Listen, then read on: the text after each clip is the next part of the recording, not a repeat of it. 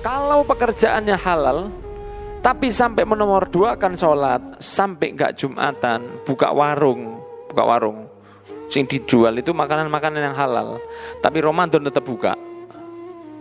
Itu ha haram kerja nih, gak bakalan barokah, gak bakalan tambah soge, gak bakalan tambah tambah soge, toh tetap buka warung.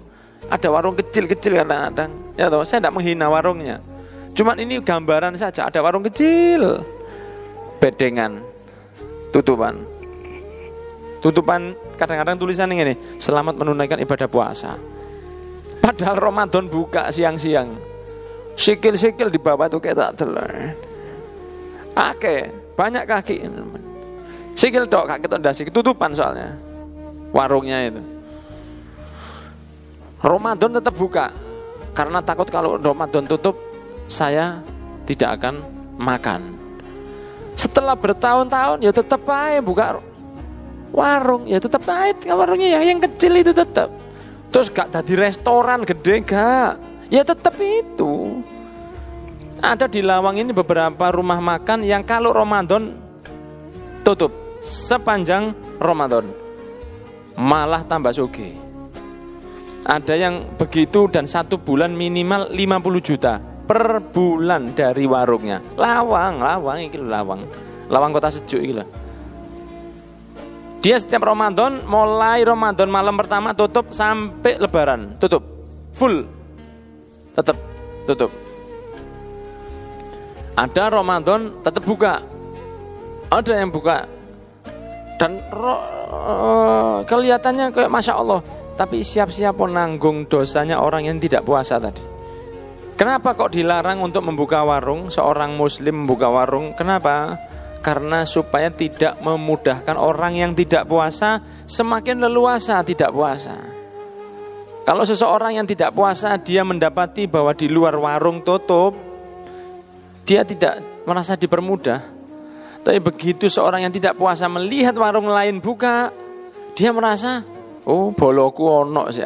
Saya masih punya teman maka warung yang menampung muslim yang tidak puasa dia mendapatkan dosa yang sama dengan orang yang tidak puasa tadi karena dia membantu seseorang untuk melanggar aturan Allah Subhanahu wa taala. Yang seperti itu tidak akan pernah dibuat tenang hidupnya oleh Allah Subhanahu wa taala.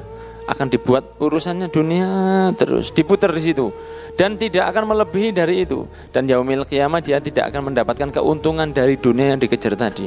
Karena kafan itu gak ono kesae. Kafan itu tidak ada sakunya.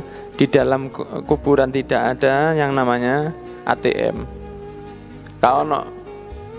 Di dalam kuburan tidak ada yang namanya ATM gak iso. Tidak bisa diambil. Uangnya yang pertanyaannya Allah pasti ada. Dan maka diusahakan semaksimal mungkin kalau cari pekerjaan yang halal dan kalau sudah dapat pekerjaan yang halal jangan gara-gara pekerjaan akhiri me, menghilangkan menomorduakan hak-haknya Allah Subhanahu wa taala. Insya Allah jenengan seperti yang disampaikan Rasul sallallahu alaihi wasallam akan menjadi orang yang kaya zohirnya, batinnya dan yaumil kiamah jenengan akan mendapati berkah dari pekerjaan jenengan ini menghadapi Allah Subhanahu wa taala dalam keadaan yang baik.